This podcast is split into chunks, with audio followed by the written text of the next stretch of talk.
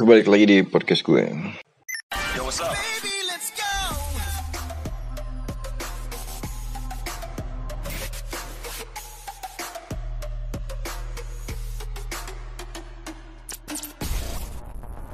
Gak tau gue udah uh, berapa hari kemarin pengen pengen ngerekam pengen bikin podcast tentang Aceh karena banyak banget hal yang pengen gue omongin gitu.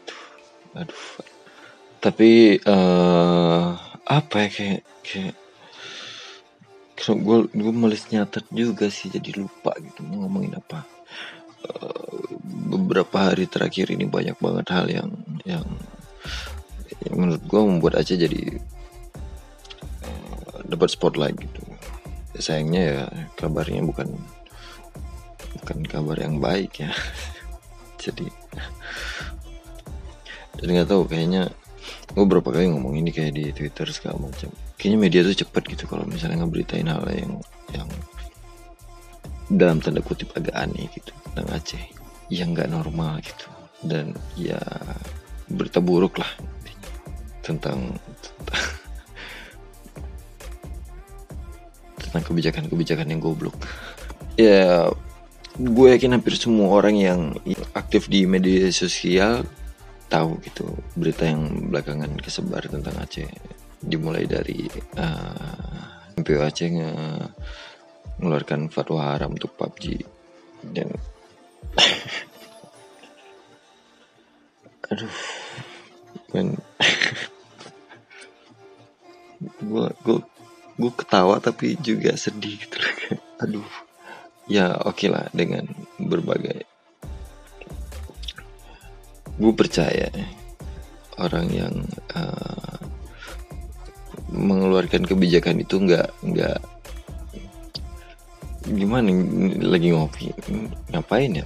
Waduh haramin PUBG ah kan nggak gitu aja cuma pasti ada proses dia mikir dulu ada analisa dulu dan segala macam.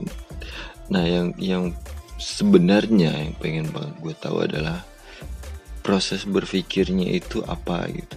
Proses uh, analisanya pertimbangannya apa? Gue banyak baca di berita-berita karena karena menimbulkan banyak banyak uh, apa hal yang tidak baik gitu.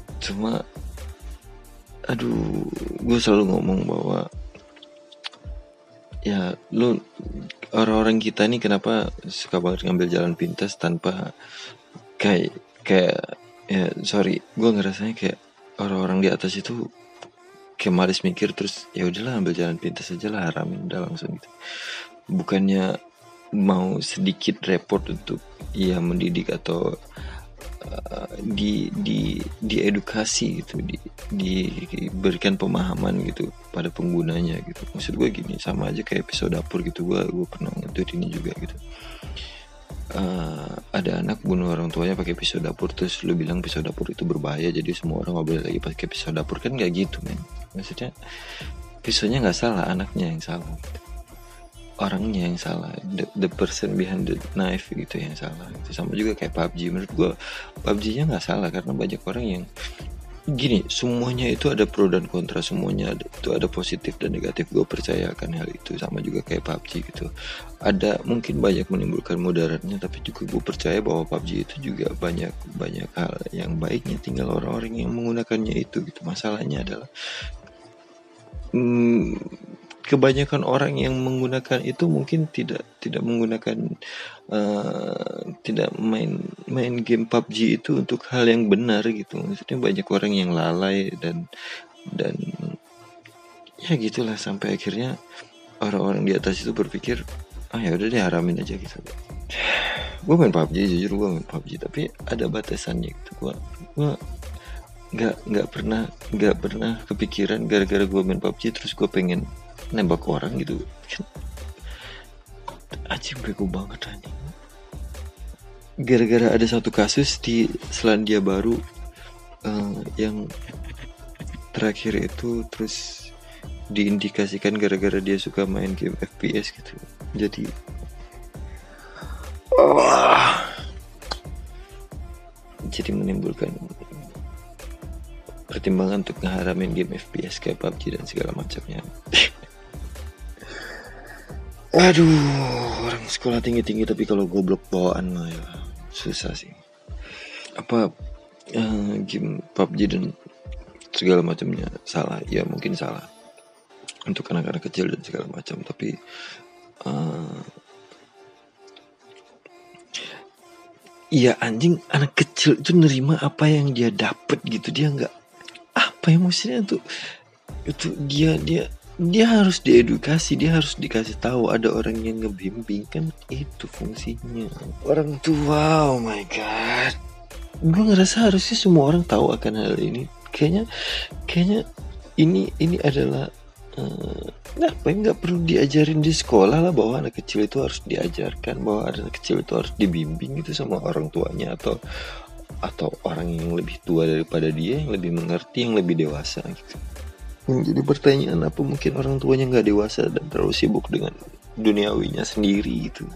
Sehingga kita ketika anak kecilnya salah gitu. Uh, lalai main game PUBG terus PUBG yang diharamkan gitu anak kecil keseringan main HP terus HP-nya yang disalahkan gitu. Kan kan ini kemajuan teknologi. Gue jadi ngebayangin kenapa orang-orang kita tuh tidak menerima perkembangan gitu. Nggak kayak orang-orang kita tuh kayak kaget teknologi kayak nggak siap gitu menerima perkembangan. Tapi juga di sisi lain uh, bangga hidup di era modern dengan segala kemudahannya gitu. Tapi ngebatasin dan menyalahkan ketika anak kecilnya salah mempergunakan teknologi gitu. Ya ampun. Ya lo sebagai orang tuanya aja yang goblok yang yang yang nggak bisa ngedidik anak lo gitu. Kan aduh. Dan hal ini yang bikin ini yang bikin yang bikin jadi menimbulkan masalah baru. Maksud gue gini ini lagi tenang lagi damai lagi aman gitu. Terus MPU ngeluarin fatwa MPU Aceh sorry. Ngeluarin fatwa PUBG haram. Terus kayak semua orang wah MPU nggak ada kerjaan MPU goblok nih. Semua orang mencaci maki MPU gitu. Yang sebenarnya MPU itu kumpulan apa kumpulan ulama-ulama gitu. Lo nggak sepatutnya ngomong kata-kata kasar gitu ke ulama gitu. J jadi kayak men kayak lu sengaja mancing gitu. Dan menurut gua ini satu hal yang salah gitu. ya kalau lu nggak pengen orang memusuhi memusuhi lu ya ya lu jangan jangan jangan berpura-pura dalam tanda kutip melakukan hal yang salah gitu sehingga orang menyalahkan lu dan lu bangga dengan ya padahal gua nggak salah gitu. Gue yang ngejelasin ya. Lu jangan jangan berpura-pura sebagai penjahat gitu. Ada kasus pencurian terus lu ditanya lu nyuri? Wah lu jangan duduk kan lu lu nggak nyuri? Gitu lu tinggal jawab aja. Ya gue nggak nyuri. Tapi lu berpura-pura main main sandiwara dan segala macam sehingga orang makin uh, memberatkan tuduhannya ke lu. Padahal lu aslinya nggak nyuri gitu. Cuma lu seneng aja ngeliat orang salah persepsi gitu sehingga nuduh lu nyuri. Dan menurut gue pola yang seperti ini tuh salah. Nah sama aja kayak orang-orang jadi jadi jadi ke trigger untuk ngomong-ngomong yang nggak bener ke ke tentang ulama gitu. Ya orang yang ngomong nggak bener ke ulama itu salah tapi juga lu nggak bisa nge, aduh mengeluarkan fatwa haram dan segala macam tanpa pertimbangan apa segala macam. Gue ada teman di uh, organisasi e-sport gitu yang kabar terakhir gue gue nggak nggak terlalu ngikutin gimana perkembangannya. Kabar terakhirnya gue dengar lagi nyoba ketemu sama aduh. Gue mau jemput namanya tapi gue nggak enak gitu. Sama orang yang mengeluarkan fatwa itu dan orang-orang orang-orang itulah. Uh, mereka masih memperjuangkan bahwa uh, game PUBG ini boleh dong dipakai karena ini sudah masuk dalam salah satu e-sport gitu. Menurut gue ya bener lo, lo organisasi inilah yang bertanggung jawab untuk memperjuangkan uh, apa legalitas game PUBG ini gitu. Bukan legalitas lebih ke ya boleh lah main game PUBG yang dan menurut gua at least di turnamen gitu. Setelah ngeluarin fatwa haram beberapa hari kemudian itu di kalau nggak salah di Melabu sama di daerah uh, Sigli kalau nggak salah PD uh, ada turnamen PUBG dan itu di jadi bahan omongan. Jadi bahan kayak diomongin bahwa ini yang penyelenggara turnamennya nggak ngehormatin fatwanya MPU Aceh gitu. Ya, maksud gua ya di di turnamen gitu uh, harusnya boleh lah. Tapi ya gimana ya maksudnya kalau udah udah di udah udah namanya haram kan kayak ngomongin miras sedikit pun nggak boleh gitu. Walaupun banyak hal lagi yang yang pembelaan dan segala macam. Cuma maksud gue at least ini kan game PUBG gitu. Di turnamen turnamen itu kan semuanya ada rule semuanya udah udah dibatasin semuanya. Yang ikut itu pun bukan orang-orang orang-orang yang iseng gitu. Emang orang-orang yang serius. E-sport ini udah masuk dalam salah satu cabang olahraga dan uh, pelakunya itu udah udah namanya itu atlet gitu. Jadi gue nggak rasa nggak ada orang yang jadi yang iseng-iseng aja jadi atlet gitu. Kan enggak emang dia tekun gitu menekuni hal itu gitu. Menekuni olahraga yang dia suka gitu. Salah satunya sekarang e-sport. Nah maksud gue uh, seenggaknya diberikan kelonggaran lah boleh uh, main PUBG gitu misalnya. Ya at least di turnamen gitu. ngebayanginnya kayak gini lu kalau misalnya balap liar kan nggak boleh kan ilegal ya kalau misalnya lu balap liar di jalan raya dan segala macam malam gitu. Tapi kalau misalnya di di event resminya kayak road race itu kan legal gitu. Itu boleh lu balapan segala macam event lu mau gimana. Karena ada aturannya ada ada safety-nya itu udah udah jelas gitu. Ada ada komite-komite yang yang yang paham akan hal itu. Nah gue rasa kayaknya karena PUBG ini udah menjadi salah satu cabang olahraga harusnya ini boleh gitu. Harusnya ya ah, nggak tau lah. Tapi jadi jadi kayak kayak uh, semakin hilang kayaknya martabat hmm, ulamanya jadi semakin hilang gitu. Karena ya setelah ulama mengeluarkan fatwa haram tapi banyak aja yang masih tetap aja banyak yang main gitu. Jadi ya ya mau nggak mau lu semakin nggak dihormatin gitu. Dan gue nggak tahu nyalain siapa maksud gue ya ya lu nggak ngargain ulama ya salah gitu cuma tentang ini gue harapan gue ya yang lu ngehormatin ulama itu bagus. Lu, yang tadinya main PUBG jadi nggak main PUBG ya bagus lah. Atau yang lu abai tentang hal itu juga yang tadi main PUBG setelah ada fatwa haram dulu tetap aja main PUBG gitu ya serahlah yang penting lu udah gue ngerasa karena karena gini kayaknya kayaknya kalau anak SD gitu main PUBG juga nggak jago-jago banget maksudnya nggak ini emang bukan dan ada batasan umurnya kan kalau misalnya main PUBG itu jadi gue ngerasa semua orang yang main PUBG ini udah umurnya ya bukan pemikirannya umurnya dewasa jadi gue punya harapan kalau lu tetap mau main PUBG ya yang penting lu nya dewasa lah lu ngelakuin itu atas kesadaran lu bukan bukan karena ada dorongan atau hal lain gitu bukan karena memang lu nya atau apa segala macam tapi ya lu udah ngerti lu ya ya gue lagi punya waktu kosong lagi senggang gue refreshing main PUBG ya udah gue main PUBG gitu ya. Apa pun lakukan demi kebaikan diri lo dan dan lo harusnya tahu sih apa yang apa yang baik dan apa yang buruk buat diri lo kayaknya gitu sih. Bodoh amat lah maksud gue bodoh amat. Lu mau main kayak mau enggak kayak dan yang jadi lucu adalah orang-orang yang yang uh, kayak ngomongin tentang PUBG tapi dia nggak nggak nggak main game PUBG atau uh, game serupa gitu. Ya lo nggak ngerti orang-orang yang yang kalau lo nggak main gitu kayak sorry to say gitu ibu-ibu ngomongin PUBG gue bukan bilang nggak ada ibu-ibu yang main PUBG mungkin ada gitu. Cuman yang setahu gue gue ya kayak overheard gitulah ibu-ibu ngomongin PUBG dan gue ketawa sendiri kayak ya lalu nggak bakalan ngerti lah orang lo nggak main juga gitu. Sama aja kayak lo ngomongin make up sama cowok-cowok gitu cowok nggak akan relate gitu karena dia nggak make upan gitu. Jadi nggak perlu lo berusaha menegaskan bahwa make up itu penting dan segala macam. Kita nggak peduli gitu karena kita nggak ada di dalamnya kita nggak ngelakuin hal itu gitu. Yang gini juga untuk orang-orang yang ngomongin PUBG sedangkan lo sendiri nggak main PUBG udahlah stop ngomongin PUBG lah gitu. Lo lo ngapain ngomongin PUBG kayak lucu aja gitu bro Oke next. Berikutnya yang lain lagi yang yang lagi rame di Aceh setelah setelah PUBG. eh, anggota dewan di Aceh itu mau melegalkan poligami. Maksudnya ya ngomongin poligami.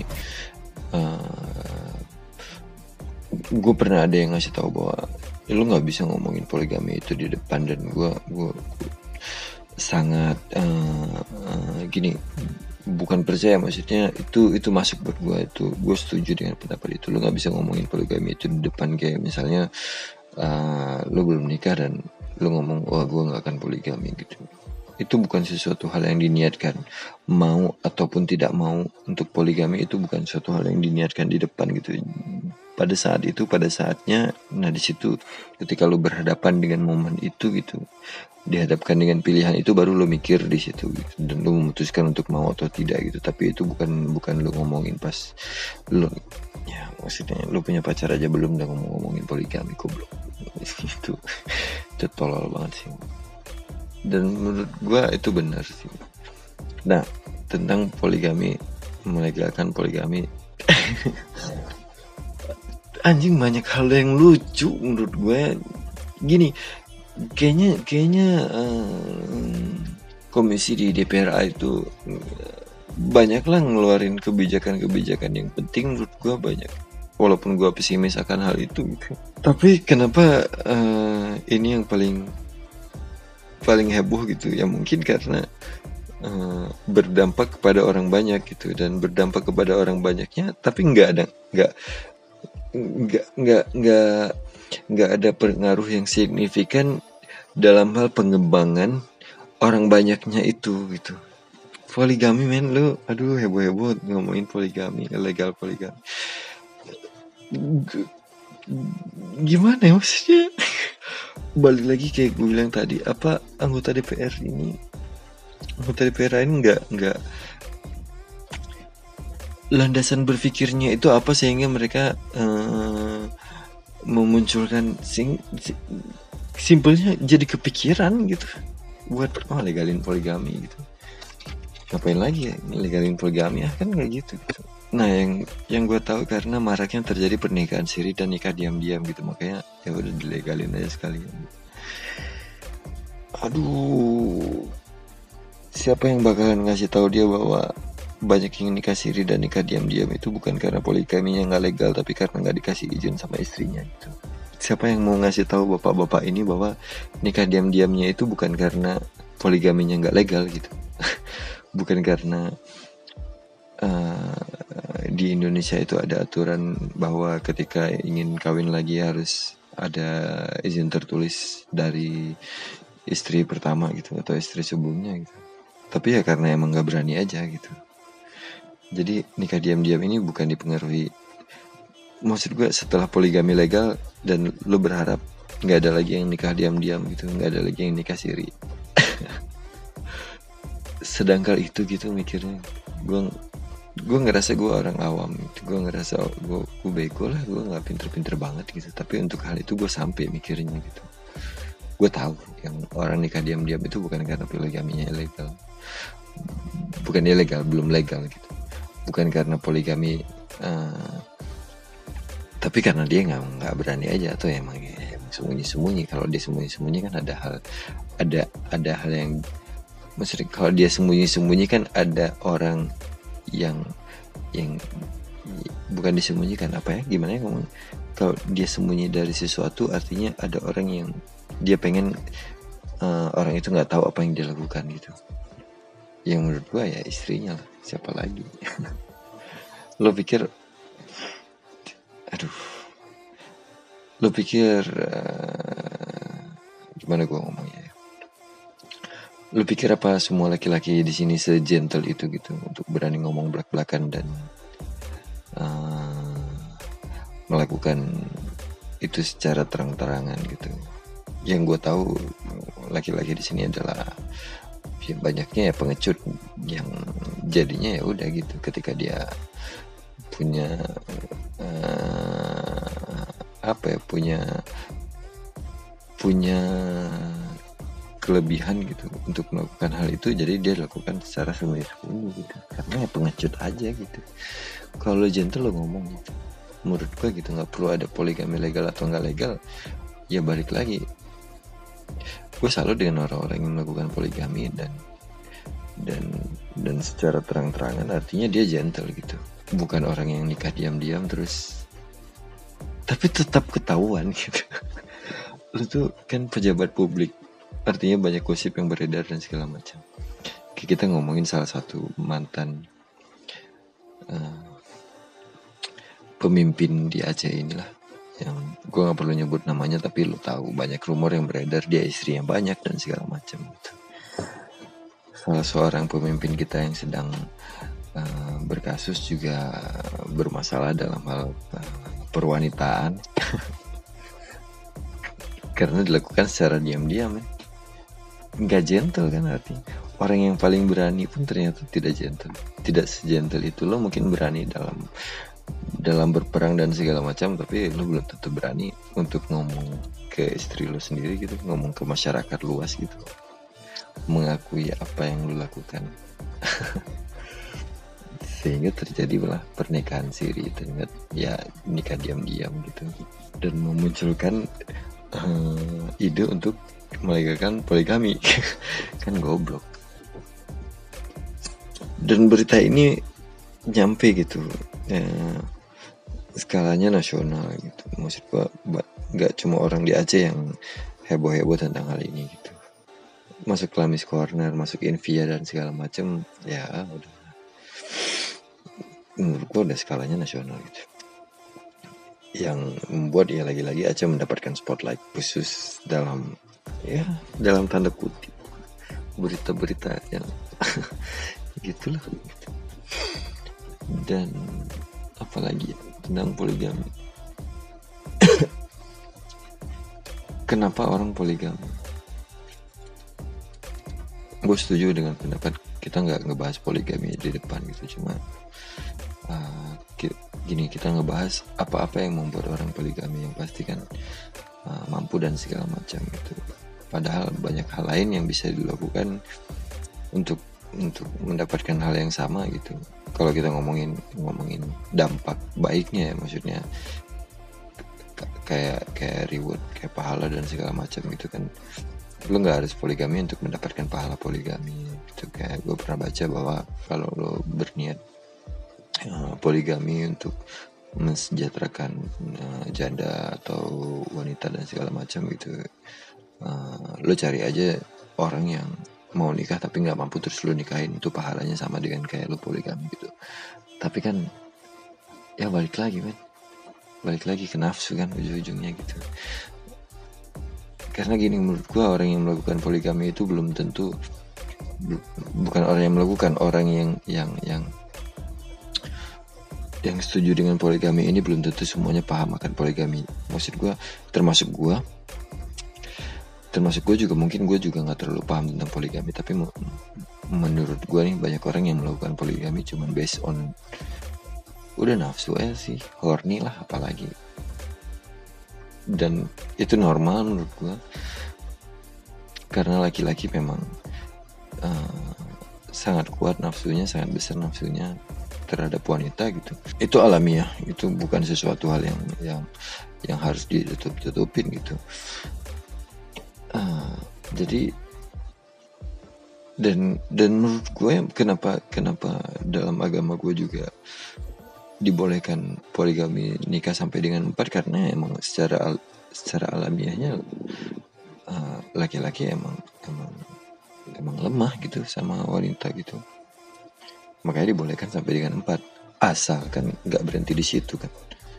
Kan di situ tuh nggak titik itu tuh masih koma itu asalkan uh, lo nya mampu mampu untuk berlaku adil dan segala macam gitu.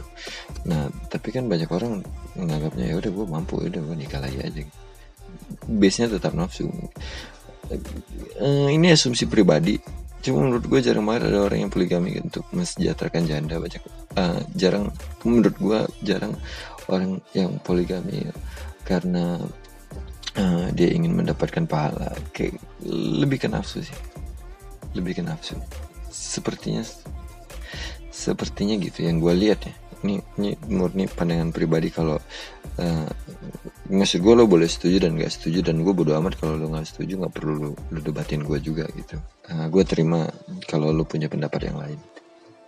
Dan hal lain adalah menurut gue karena proses untuk pernikahannya itu tidak tidak dilakukan nggak selesai gitu gimana ya ngejelasin ini bakalan panjang sih ngomongin relationship. Gue pasti gue, gue tipe orang gue orang yang suka ngomongin relationship jadi ini bakalan panjang tapi gue coba gue coba ringkas. Misalnya gini dalam pernikahan itu ada step by step gitu. Lo harus menempuh lima langkah menuju pernikahan sampai akhirnya lo nikah tapi kayaknya orang-orang di sini cuma uh, satu dua langkah terus langsung memutuskan nikah dan langkah ketiga empat limanya nggak ditempuh sehingga setelah nikah jadinya kaget gitu. Oh, ternyata dan dan lu me, me, apa sehingga menimbulkan pemikiran bahwa lu salah milih istri gitu. Sehingga menimbulkan pemikiran bahwa uh, wah gue nggak cocok nih sama istri. Akhirnya lo nyari yang lain dan karena ada this polygamy thing jadi kayak suatu pembenaran untuk lo menemukan istri yang lain gitu Padahal dasarnya lu tidak menempuh proses pernikahan, proses menuju pernikahan yang step by step yang gue bilang ini. Iya lu nggak nggak nggak ngelewatin semuanya gitu, sehingga lu mendapatkan istri yang salah. Gitu. Dan ini sedih sih, menurut gue gitu, karena tetap yang jadi korbannya ya wanita lah jarang banget jarang banget dalam satu perceraian itu yang menjadi korban adalah laki-laki gitu. Kalau kita ngomongin perceraian dan gue gue setuju ini adalah hal yang sama ketika poligami gitu. Ketika poligaminya karena lu ngerasa uh, istri lu yang sekarang ini ada kekurangannya sehingga lu uh, pengen memiliki istri yang lain untuk menutupi kekurangan istri lo yang sekarang. Nah, itu menurut gue di situ salahnya dan tetap aja yang dirugikan adalah wanita gitu. Ah, karena ya proses pernikahan sih. Gue ngerasanya kayak gitu.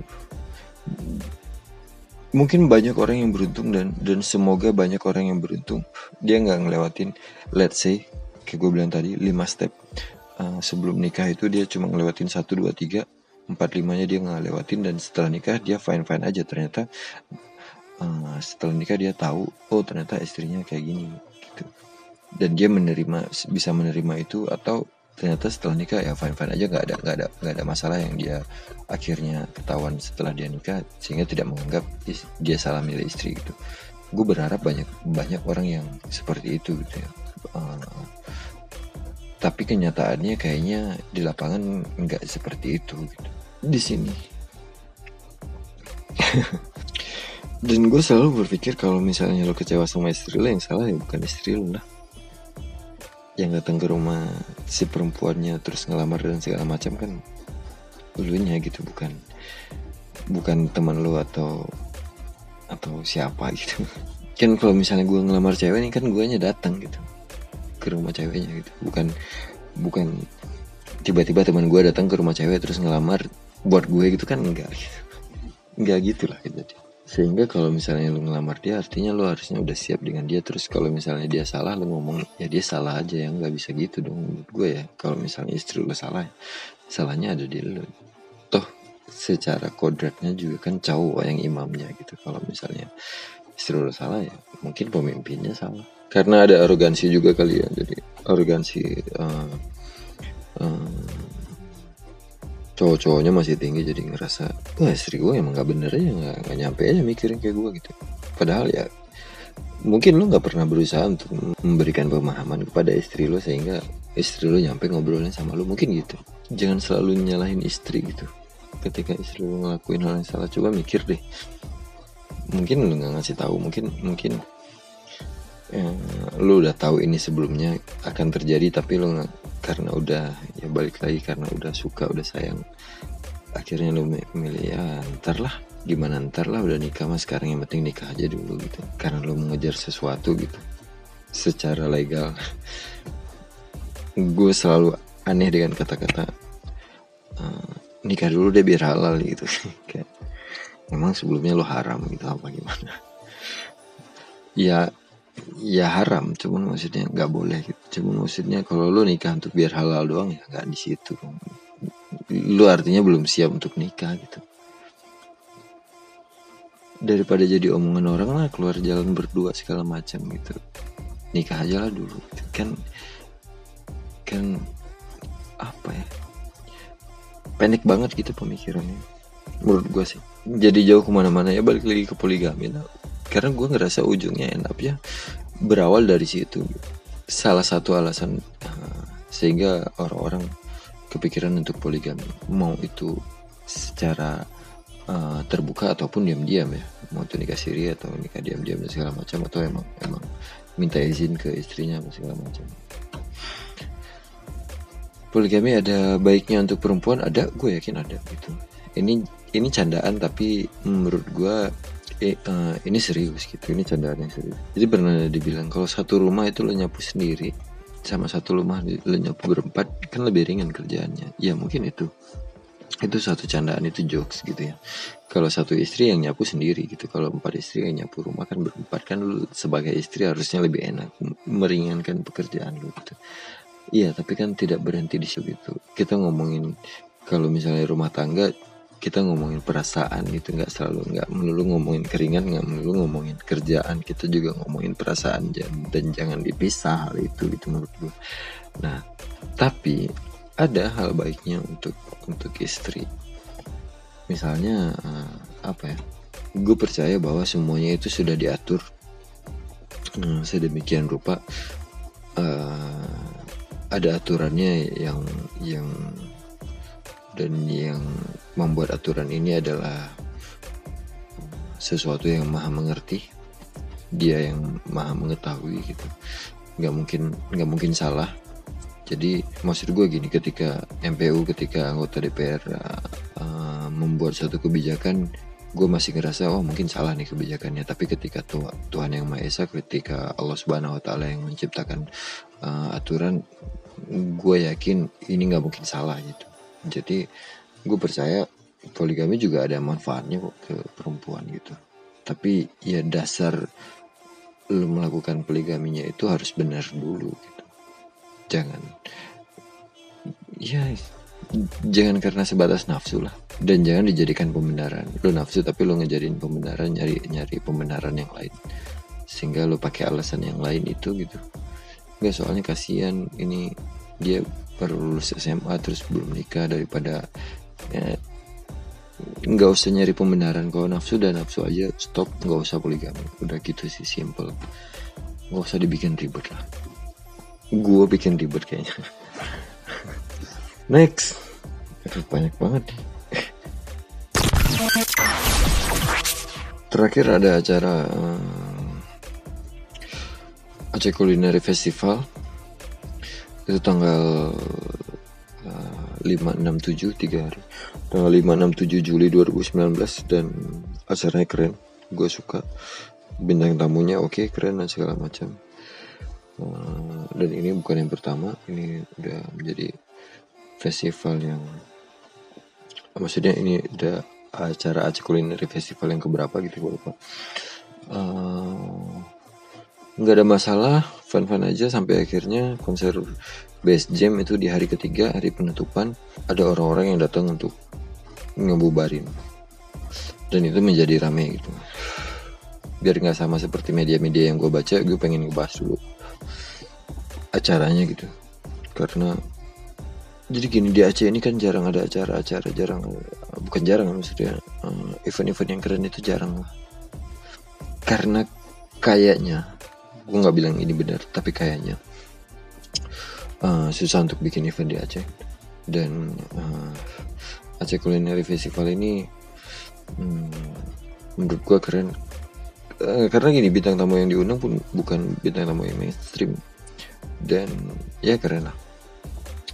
Di situ ada ada lomba masak dan segala macam. Ada acaranya di di Taman Sultan Safiatuddin.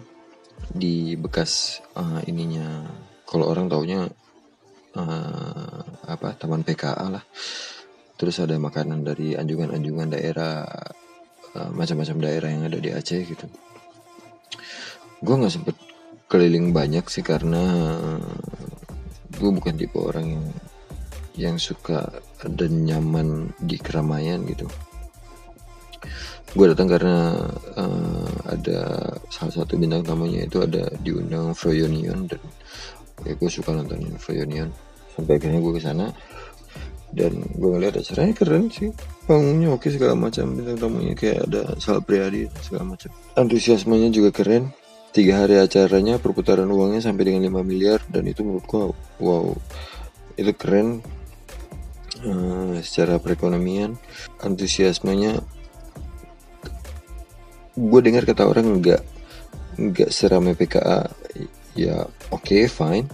Uh, tapi diorganize dengan baik kayaknya karena gue ngeliat dari luar gue tidak terlibat di dalam. Uh, sebagai pengunjung cukup nyaman lah kayaknya walaupun gue nggak nggak datang tiga tiga harinya tapi cukup nyaman sih acaranya keren. Dan dampak yang ditimbulkan adalah uh,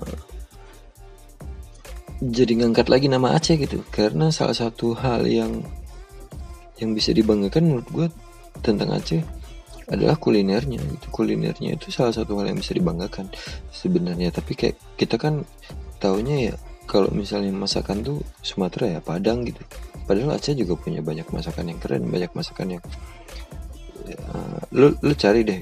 Banyak orang-orang yang pas datang ke Aceh oh ternyata ini enak gitu oh ternyata di Aceh ini ada makanan ini dan ini enak gitu. Yang kayak yang umum banget mie Aceh udah udah umum lah. Tapi banyak banget selain mie Aceh yang yang itu uh, banyak orang yang baru datang ke Aceh dan akhirnya tahu dan dia suka gitu. Cuma kita ketutup aja karena mungkin masalah geografis ya karena Aceh itu paling ujung. Jadi jarang juga ada orang yang datang gitu. Uh, dan acara Aceh Culinary Fest ini memperkenalkan itu semua gitu ke orang luar gitu. Harapannya seperti itu. Gue nggak tahu hasilnya kayak gimana. Nah yang jadi rusaknya adalah uh, ketika hari terakhir hari penutupan itu bintang namanya base jam terus um, uh, gue baca beritanya dan. Ya bodo amat lah tentang apa yang terjadi sebelumnya gitu maksudnya pada proses itu. Karena ada ada ada beberapa kasus uh, tentang tentang bintang tamu best jam ini. Sampai akhirnya uh, best jam manggung terus datang orang suruh ngebubarin gitu. Ngebubarin acara manggung best jam. Dan lucunya bukan karena udah larut malam. Gue pikir dibubarin karena udah larut malam dan segala macam. Ternyata enggak ternyata bandnya turun dan acaranya masih berlangsung. Itu udah kayak jam 11 jam 12 gitu. Acara masih berlangsung orang masih uh, rame enjoy santai di sana. Ya jam 12 malam itu. Jadi ternyata bukan karena acaranya harus ditutup itu harus harus harus selesai karena udah larut malam. Ternyata bukan karena itu. Nah cari deh alasannya apa gitu lo cari sendiri. Cuma menurut gue ini uh, jadi tamparan lagi karena Aceh Culinary Festival diberitakan di beberapa media dan banyaknya ngeberitainnya tentang pembubaran konser Best Jam ini gitu. Bukan bukan ngeberitain tentang apa sih Aceh Culinary Festival itu. Dan gue sekali lagi gue bukan penyelenggara cuma gue uh, pernah ikut kepanitiaan dan pernah menjadi uh, pernah terlibat dalam beberapa event.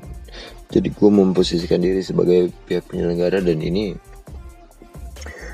rasanya nggak nyaman gitu rasanya kayak ya marah lah kesel gitu acaranya udah capek-capek dibuat dan keren tapi berita yang naik itu adalah bukan tentang betapa kerennya acara ini tapi gara-gara ada satu kasus kecil gitu. Ini anjing banget sih maksudnya gini gue gue tidak terlibat dalam kepanitiaan ini tapi gue bisa ngerasain kesalnya gitu. Ya mau nggak mau men. Selalu ada resiko kan?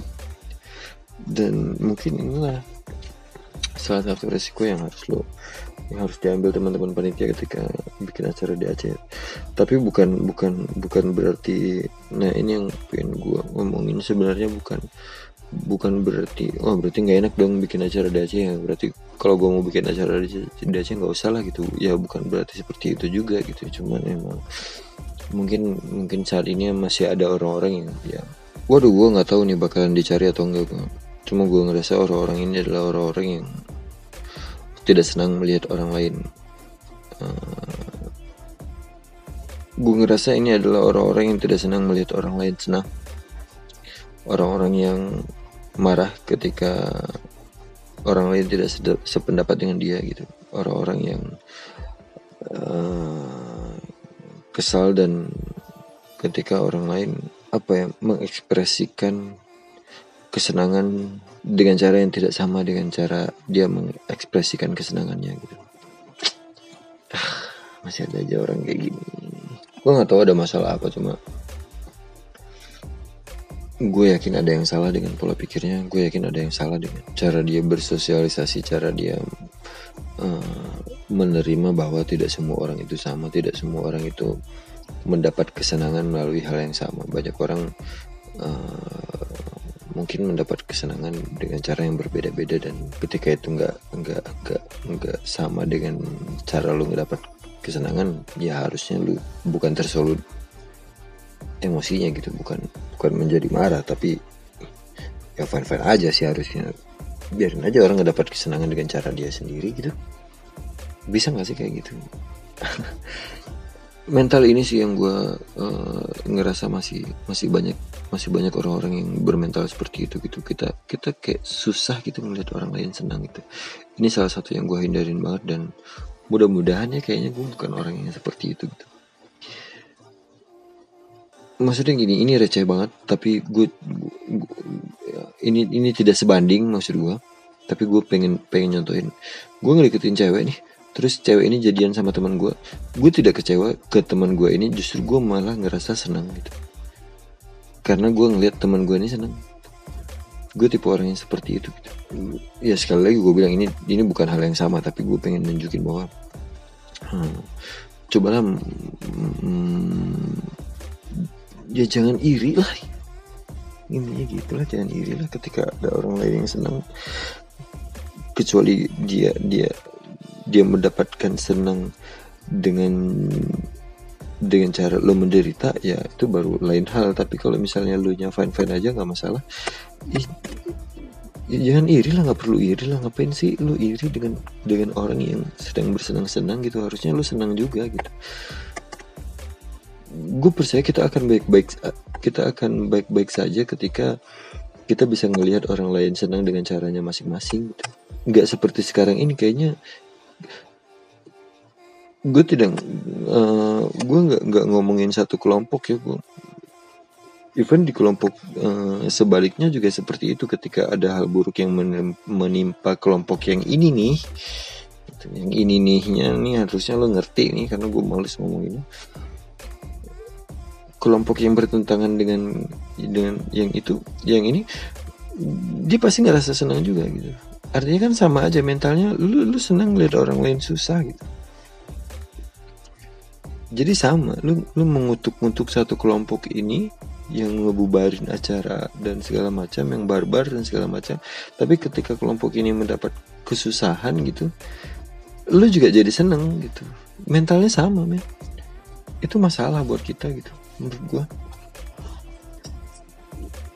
lu sama aja kayak ketika lu mengutuk-ngutuk orang lain lu seperti mengutuk diri lu sendiri karena lu punya mental dan prinsip yang sama pola berpikir yang sama gitu.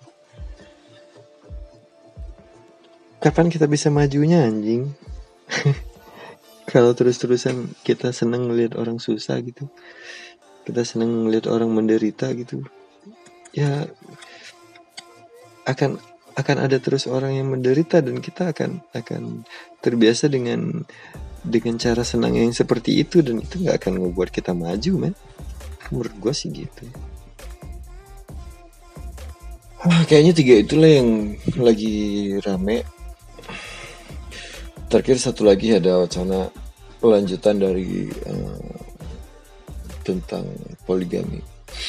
Dewan anggota dewan di Aceh pengen pengen bikin aturan pengen bikin kanun bahwa mahar itu bisa dicicil. Kegoblokan apalagi ini? Ya ampun gue pikir gue orang paling goblok ya di di dunia ini. Gue pikir gue orang yang paling tolol gitu. Nggak berguna tapi kayaknya dengan adanya hal-hal yang kayak gini gue sedikit optimis man sumpah tentang mau dibikinnya kan mahar bisa dicicil ini gue nggak mau bahas lah males gue bahasnya. Itu menjatuhkan harga diri perempuan dan balik lagi seperti yang gue omongin tadi disebabkan karena arogansi laki-laki di sini sangat tinggi sehingga lo nggak bisa gitu. Kayaknya ya lo nggak bisa gitu ngelihat perempuan menang gitu.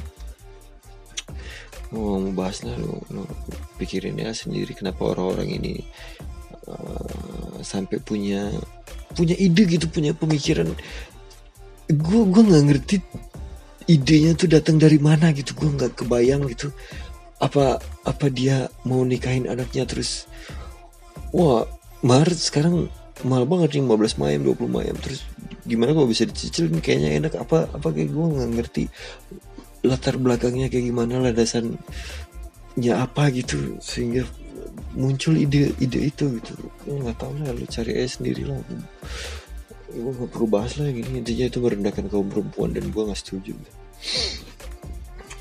Bukan karena gue so ngebelain perempuan bukan karena gue feminis. Enggak gue bodo amat dengan hal itu. Cuma uh, eh, gue diajarkan untuk menghargai perempuan siapa pun itu gitu. Karena gue lahir dari uh, dari rahim seorang perempuan. Jadi menurut gue cowok mau cewek lo harus menghormatin perempuan. Dan karena mungkin karena society-nya juga gue sering ngomongin gue gue kesel sama society kita tapi ada aja perempuan yang pengen direndahkan dan banyaknya perempuan-perempuan di sini. Sorry tuh sih mereka emang kayak minta direndahkan gitu. Terlepas dari kasus ini ya terlepas dari dari kasus mahar bisa dicicil ini tapi uh, ada perempuan ada aja perempuan-perempuan yang yang maksudnya gue ngehormatin lu gue respect sama lu tapi lu tiba-tiba ngutip apa gitu yang membuat gue berpikir anjing lu bodoh banget gitu. Dan end up gue jadi merendahkan lu gitu Iya karena lu nya sendiri minta direndahin aja. Kayak ada aja gitu. Ayo lalu pinter lah lu berwawasan lah lu. Jangan jangan mau direndahkan dan jangan memposisikan diri lu sebagai orang yang yang bisa direndahkan gitu. Aduh, kayak apa ya? Kayak gue respect sama satu orang, oke gue ceritain ya gue respect sama satu orang dan segala macam. Sampai akhirnya dia ngebucin ke satu artis dan aduh. Lu lu tuh lu tuh orang yang dihargai dengan posisi dan dan pencapaian yang lu dapat gitu. Lu tuh uh, tinggi di mata gue gitu tapi uh, ketika lo uh, sorry ngejablay itu semua jadi kayak apa ya? kayak aduh. Men lo tuh tinggi di mata gue tapi lo sampai ngejablay gitu sama satu orang ini ya elah lu nggak pantas ngelakuin itu. Gue ngerti lah lu ngefans dan segala macam tapi oh my god lu gue pikir lu lu jauh lebih pinter lu, lu lu jauh lebih cerdas daripada apa yang lu lu ngomong di situ gitu. Tapi ya bebas lah semua orang boleh melakukan hal apa pun asal dia senang. Gue punya prinsip seperti itu. Lu juga harusnya ya bodo amat gue mau, mau mikir apa gitu. Karena tetap aja ada orang yang yang mungkin akan tetap respect dengan ya kayak gitu. Ya itulah. Mungkin uh, tentang Aceh kali ya yang masih banyak lagi sih. Cuman belakangan lah yang lagi rame ini. Jadi ya gue ngomongin yang ini biar puas lo ya biar biar sekalian ngikutin trending ngikutin trending nih anjing. Lagi rame ngomongin PUBG kan poligami dan segala macam di Aceh gitu. Ya udah ntar kita ngomongin yang lain. Ntar kita ketemu lagi di podcast gua bye. Gitu aja lah.